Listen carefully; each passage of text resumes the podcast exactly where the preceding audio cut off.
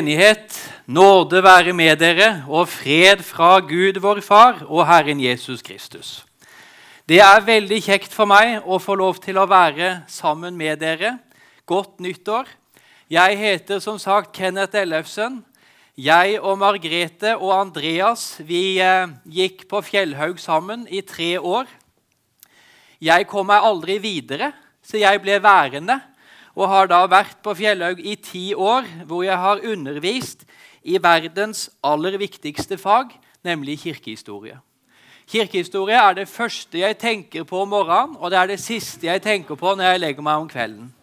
Så jeg er veldig privilegert, og jeg syns det er fantastisk at dette flotte misjonsfolket her faktisk er villig til å betale hele min årslønn sånn at jeg kan sitte og bare være opptatt av snøen som falt i fjor.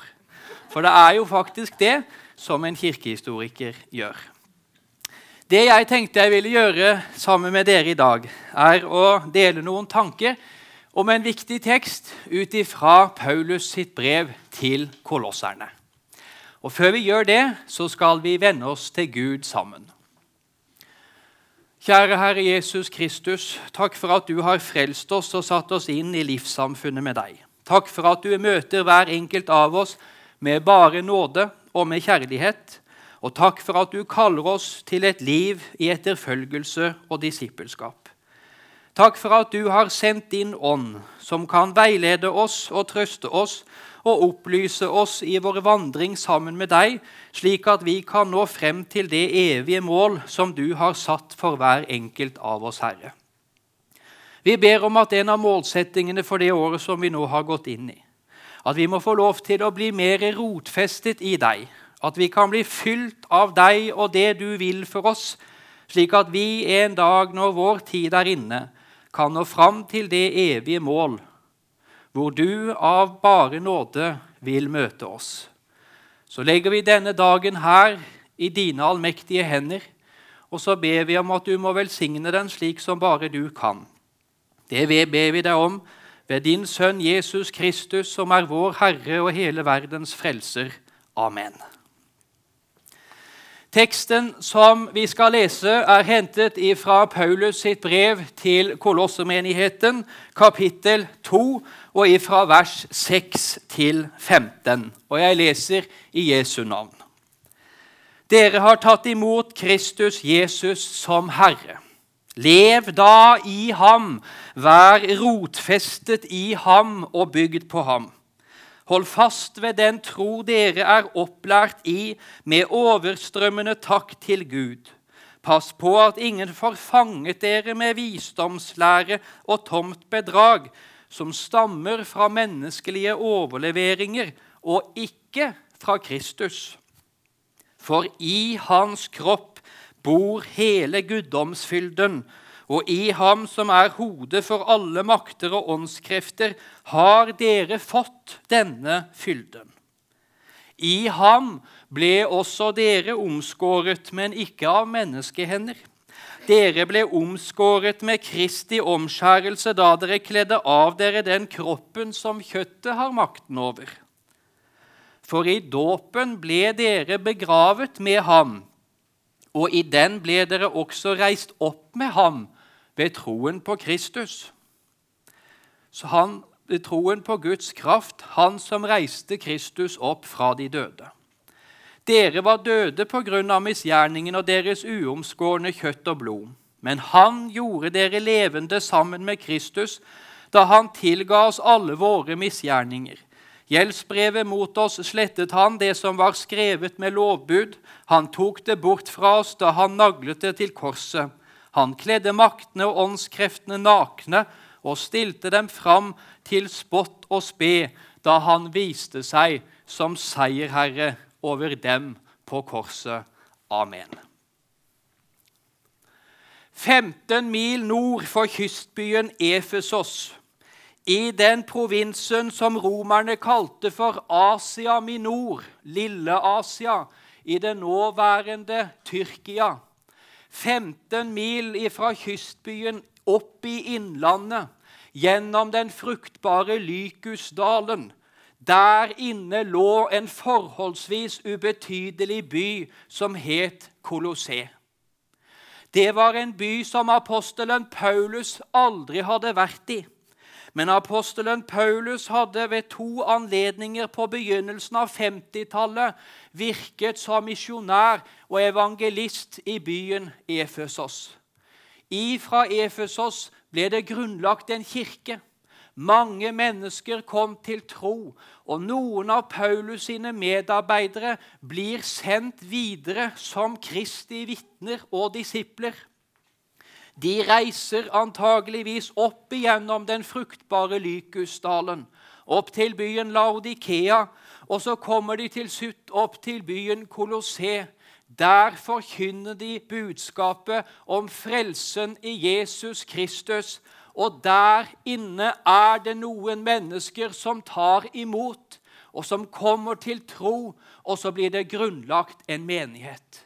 Og selv om apostelen Paulus aldri har møtt dem, han har aldri vært der på besøk, så føler han likevel at han er en far for denne menigheten. For det var jo hans medarbeidere som hadde reist fra Efesos og til den byen for å forkynne evangeliet.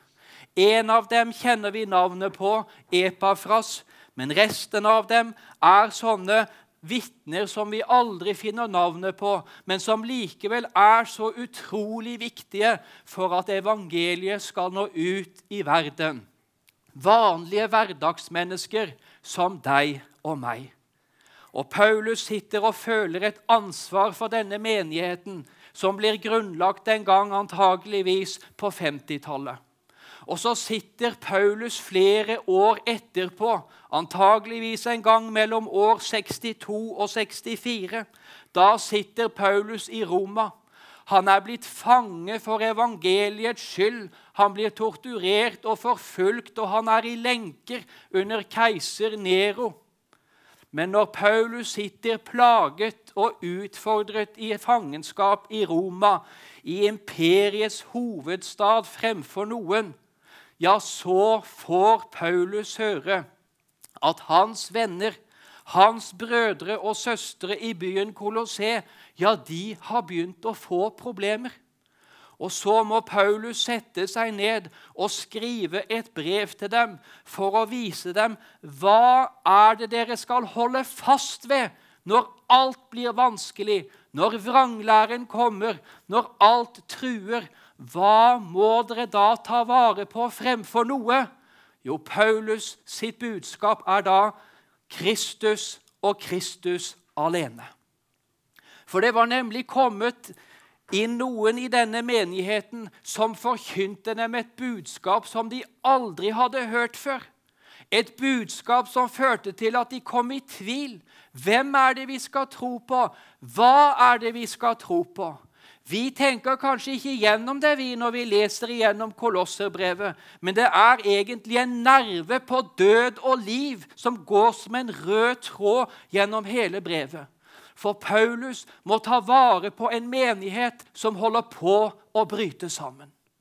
Hva slags gruppe er det som er kommet inn for å utfordre og kreve en ny teologi blant kolossermenigheten? Vi vet ikke så veldig mye om det, men litt mellom linjene aner vi likevel ut ifra det Paulus skriver. Det var en gruppe som tydeligvis mente på at budskapet, det enkle budskapet om at Gud blir menneske, og at han lider og dør på korset for vår skyld, ja, det ble et veldig tynt budskap i møte med samtidens greske filosofer. Vi må ha et budskap som filosofisk, rasjonelt matcher de greske filosofene langt bedre enn dette litt halvbarbariske budskapet om en Gud som lider og dør på et kors for våre synder. Det var en gruppe som sa at det er greit at dere tar deres tilflukt til Kristus, men det holder ikke. Dere må også ta deres tilflukt til hva stjerner og planeter kan si om fremtiden deres. Astrologi Vi ler litt kanskje når vi blir sittende og lese på ventekontorer, på legekontorer og tannlegekontorer og ser på astrologiske Hva er det stjernene vil si for uken min som ligger foran? Men på Paulus sin tid og på Jesus sin tid så var astrologi en vitenskap på liv og død. Det fantes ikke en eneste romersk keiser som ville foreta seg noe som helst før han hadde spurt stjernene til råds. Han gikk ikke i krig. Han krevde ikke høyere skatter.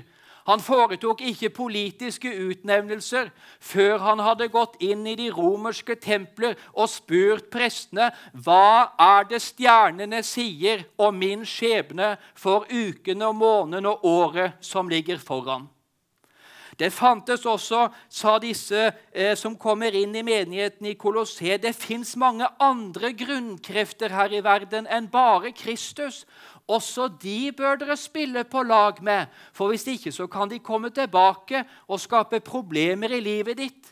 Så det er ikke bare nok å tilbe Kristus. Du bør tilbe både stjerner og planeter og usynlige krefter i åndeverdenen. Det var en gruppe som kom inn i menigheten og sa at Kristus er selvfølgelig spesiell, men han er ikke så spesiell som dere vil frem til. Han er ikke Gud den med stor G. Han er ikke Guds enbårne sønn, men han er en engel.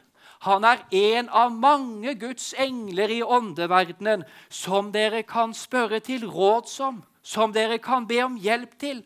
Men dere skal jo ikke bare stoppe med ham, for dere skal jo også spørre alle de andre engler og åndekreftene til råds og, til, og for å få hjelp i hverdagen. Det var en gruppe som sa at det er flott at vi har tatt imot troen alene for Jesu Kristi skyld, men vi må også la oss omskjære slik som, nei, som jødene har gjort. Og i tillegg så sa de at det er en masse bud. Det å leve som en kristen, det er å hate sitt kropp. Det er å hate skaperverket. Du skal leve med selvpining. Du skal leve asketisk. Alt som er godt her i verden, skal du fornekte deg selv for å kunne nå fram til det evige liv. Den gruppen som var kommet inn i menigheten i Kolosseum, hva slags gruppe var det? Jo, det var datidens nyreligiøse New Age-gruppe som hadde hentet litt ifra jødedom, de hadde hentet litt ifra gresk og romersk filosofi og gudstro, de hadde hentet litt ifra frygisk hedenskap og litt kristendom, og så kokte de alt sammen til ett nytt grunnleggende budskap, og budskapet endte opp med at frelsen i Kristus alene, ja, det holder ikke. Det er masse annet som dere også er nødt til å gjøre. Og så kommer de i tvil. Hva er det de skal gjøre? Og Paulus skriver sitt brev til dem for å si til dem dere skal holde fast ved det dere har hørt fra begynnelsen av, nemlig at det som er grunnleggende, ene og alene, er budskapet om at frelsen finnes i Kristus Jesus alene. Når noen kommer og forteller dem at de må også sette sin lit til mange andre ting, ja, så sier Paulus at alt det kolosserne trenger for å leve et sant og rett kristenliv, det har de allerede fått for de tror på Ham som er universets herre, evige skaper og frelser for alle. Kristus, sier Paulus til kolossermenigheten, han er utgangspunktet deres. Han er sluttmålet deres. Han er sentrumet i troen deres, og han skal være grunnlaget for hele deres liv. Hva er det Paulus sier? Dere har tatt imot Kristus Jesus som Herre. Lev da i ham, Vær rotfestet i ham og bygd på ham. Hold fast ved den tro dere er opplært i, med overstrømmende takk til Gud. Det å leve som en kristen handler ikke om å bekjenne seg til et læresystem. Det handler ikke om å tro på et budskap om hva jeg skal gjøre for å nå det evige liv, sånn som denne gruppen hadde kommet inn og forkynt. For frelsen er det evige liv, og det evige liv blir gitt dere gjennom én person, sier Paulus, og han alene. Han som til disiplene og den tvilende Thomas i Johannes evangeliets kapittel 14 hadde sagt om seg selv Jeg er veien, sannheten og livet. Ingen kommer til Faderen uten ved meg. Frelse i kristendommen er en person. Tror du på ham, ja, så har du alt. Vær rotfestet i ham, sier Paulus.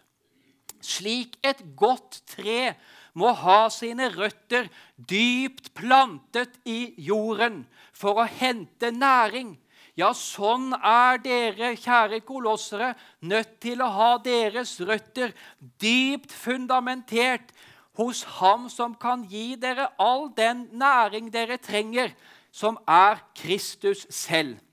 Vær rotfestet, ikke i dere selv, ikke i et nyreligiøst budskap, ikke i din omskjærelse.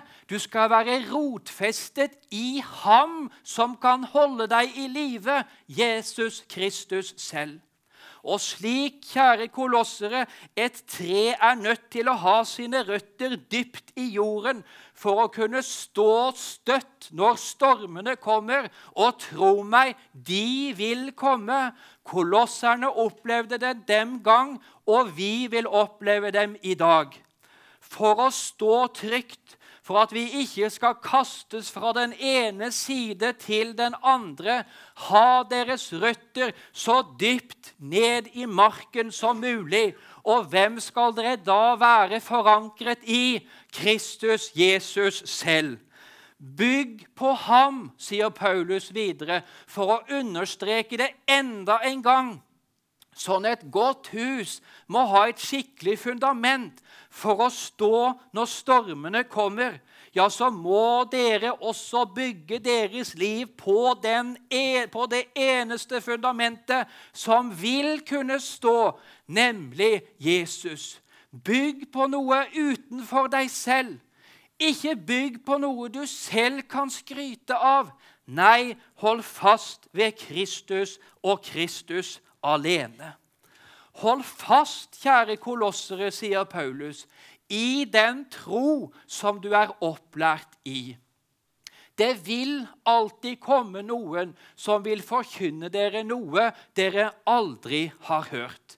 Noe som høres flott ut, men som likevel ikke er evangelisk eller i samsvar med det apostoliske budskapet som vi har fått overlevert gjennom de hellige skrifter.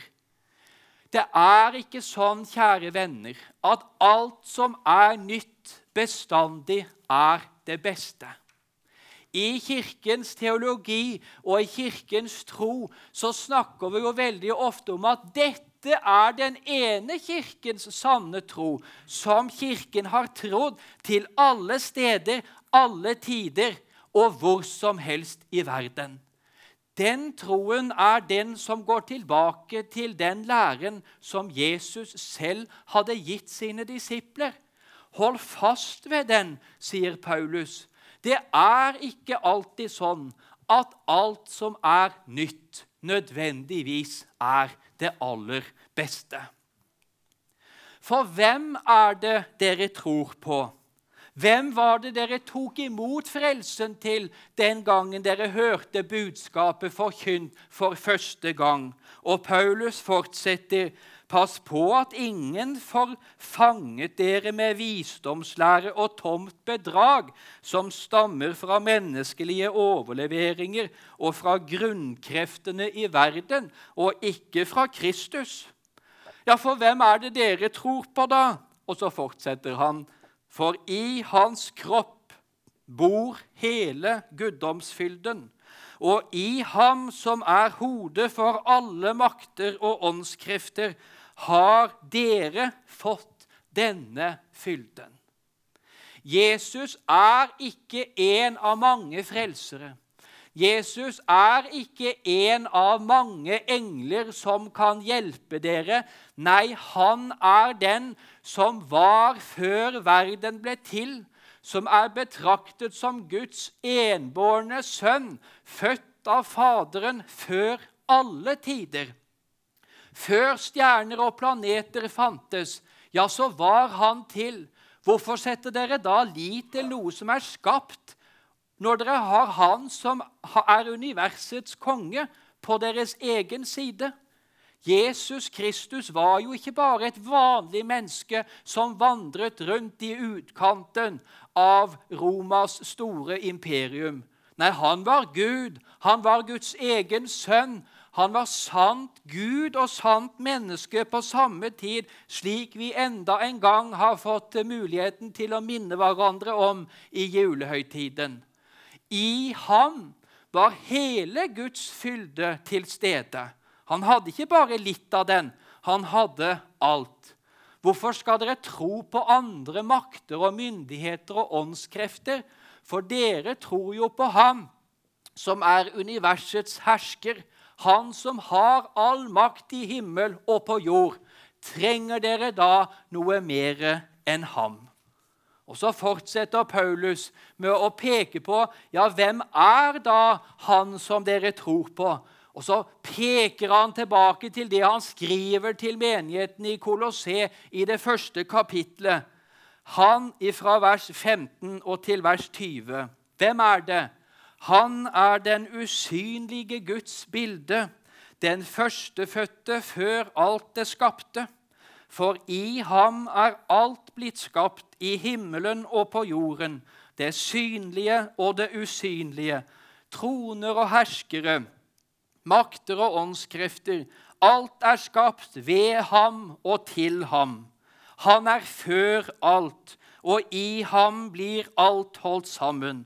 Han er hodet for kroppen, som er kirken.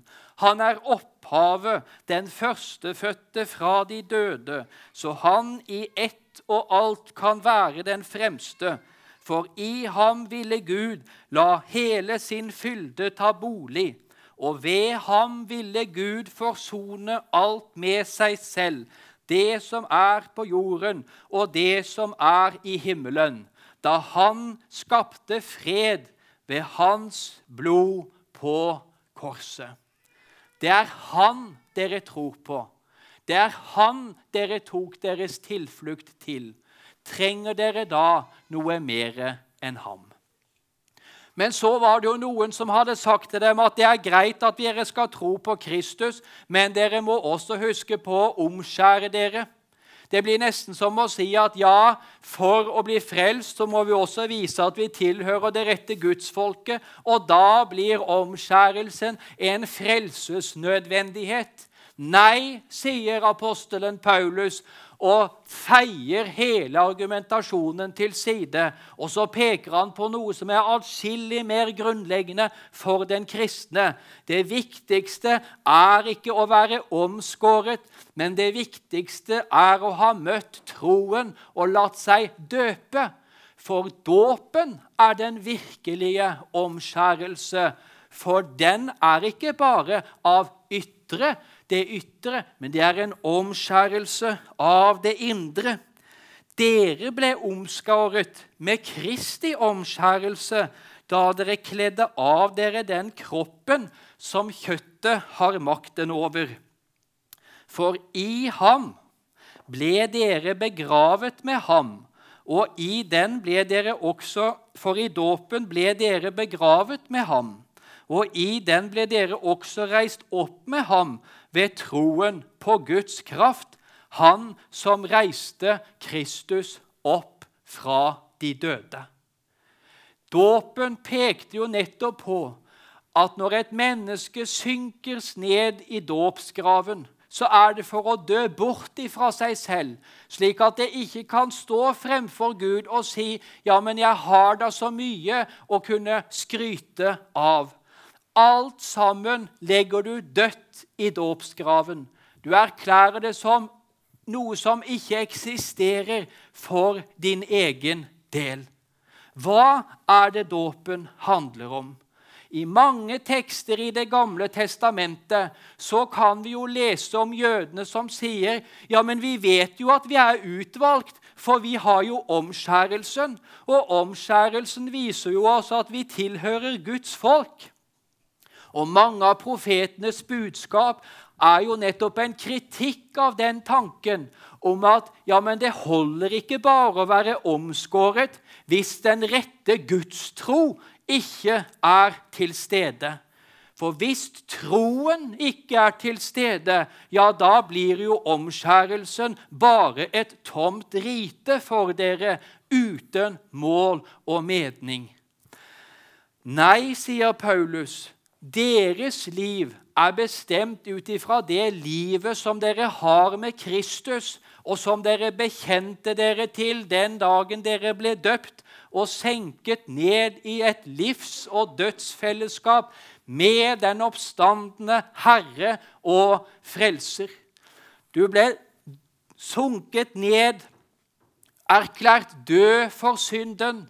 Du skulle ikke lenger leve for deg selv. Du skal ikke lenger leve på dine egne skal vi kalle det, meritter. Men så stoppet det ikke der med døden. For du ble ved Kristi enestående makt reist opp til et nytt liv ved troen på ham. Den rette omskjærelse, den rette dåp, er den dåp hvor vi i møte med den levende Gud får kjenne at Ånden gjør en gjerning i oss. Veldig ofte i våre dager så kan vi høre mang en predikant kan si at alle som er døpt, er frelst. Den tanken har ikke Paul støtte hos apostelen Paulus. Dåpen er aldri sluttmålet. Dåpen er begynnelsen. Begynnelsen til hva da? Til et nytt liv som skal realiseres ikke bare én gang der i fortiden, men hver dag. Hvordan da? Ved at jeg kan stå opp om morgenen og si til den levende og allmektige Gud Ja, Gud, du vet at jeg er en synder. Men heldigvis er du en større frelser enn jeg er en synder. Og så skal jeg få lov til å leve i det budskapet som jeg en dag også ble døpt til for over 20 år siden. I Luthers lille katekisme så sier jo Luther nesten som Paulus ja, men hva er da meningen med dåpen? Jo, sier Luther i fjerde del i Luthers lille katekisme, det er at jeg skal leve i dåpen hver dag gjennom å erklære meg selv som en synder og som fullstendig avhengig av Kristus Jesus. Og så skal jeg leve frimodig på det hver eneste dag inntil min siste dag. Det å være døpt, kjære venner, det er å være døpt til etterfølgelse. Du følger etter den mannen som i Nord-Tiberias gikk rundt og ba folk om å følge ham. Det budskapet kom til Efesos, det budskapet kom til Kolosseum. Og det har også kommet opp til deg og meg her oppe. Å leve på dåpens grunn er å leve i troen på at Kristus kan være alt for deg i dag og i morgen og for alle andre dager.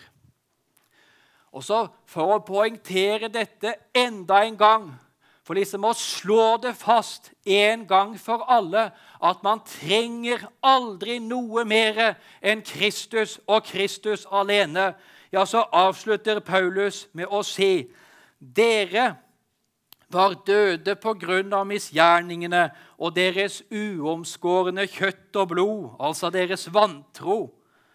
Men han gjorde dere levende sammen med Kristus da han tilga oss alle våre misgjerninger. Gjeldsbrevet mot oss slettet han, det som var skrevet med lovbud.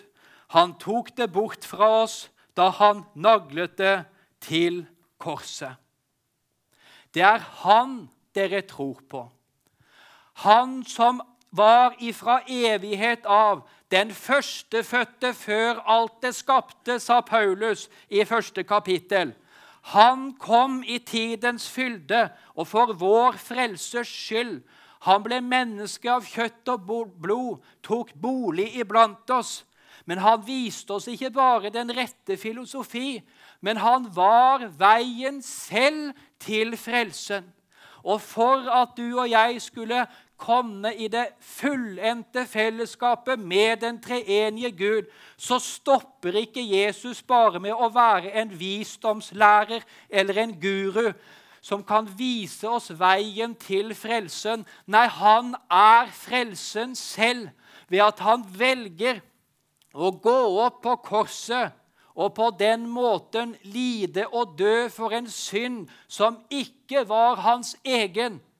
Men den allmektige og evige Gud gjorde det for kolossernes skyld og for deg og for meg. Han gikk opp på korset. Han slo en strek over gjeldsbrevet, sier Paulus. Han tørket bort vår syndeliste og Her bruker apostelen et bilde som kolossermenigheten kjenner veldig godt igjen fra hverdagen av. For på denne tiden her så var det å skrive gjeldsbrev det var vanlig. Men gjeldsbrev det var ofte så skulle eh, skrives på papyrus, på den tidens papyr, papir. Og det var så dyrt at ofte når noen hadde et gjeldsbrev og gjeldsbrevet ble betalt, så valgte man å skrive det gjeldsbrevet med et blekk som ikke hadde syre, sånn at ikke det trakk skikkelig ned i papiret. Så når du kom og gjorde opp ditt gjeldsbrev, så kunne jeg ta en svamp og så kunne jeg vaske det gjeldsbrevet ditt rent, sånn at det aldri lenger sto noe på det. Sånn, sier Paulus, gjorde Kristus for deg og meg. Han tok det gjeldsbrevet som Gud hadde imot oss, som var så langt at vi ville stått i gjeld i evighet, og vi kunne aldri ha fått betalt. Og så tok han en svamp, og så vasket han det gjeldsbrevet rent som om det aldri hadde stått noe på det. Og bare han kunne gjøre det, for han var den evige Gud og hersker. Og han sa, 'Du er fri. Du står ikke i gjeld til noen.' Og For å vise det så tar jeg med meg dette skyldbrevet opp på korset.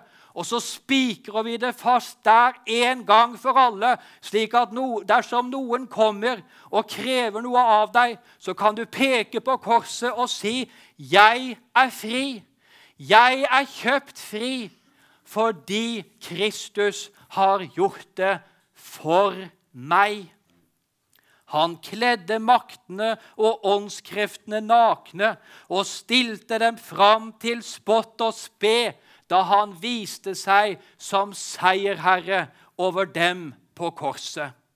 Og Her bruker også Paulus et bilde som kolossermenigheten kjenner godt. For hver gang en romersk hærleder hadde vunnet et avgjørende slag i en krig, så fikk han lov til å gå gjennom triumftog gjennom Romas gater for å bli hyllet av befolkningen. Et romersk triumftog der han som hadde vunnet det avgjørende slaget, skulle få lov til å gå fremst for å ta imot hyllest. Og bakerst i triumftoget, ja, hvem skulle komme der? Jo, der kom fangene.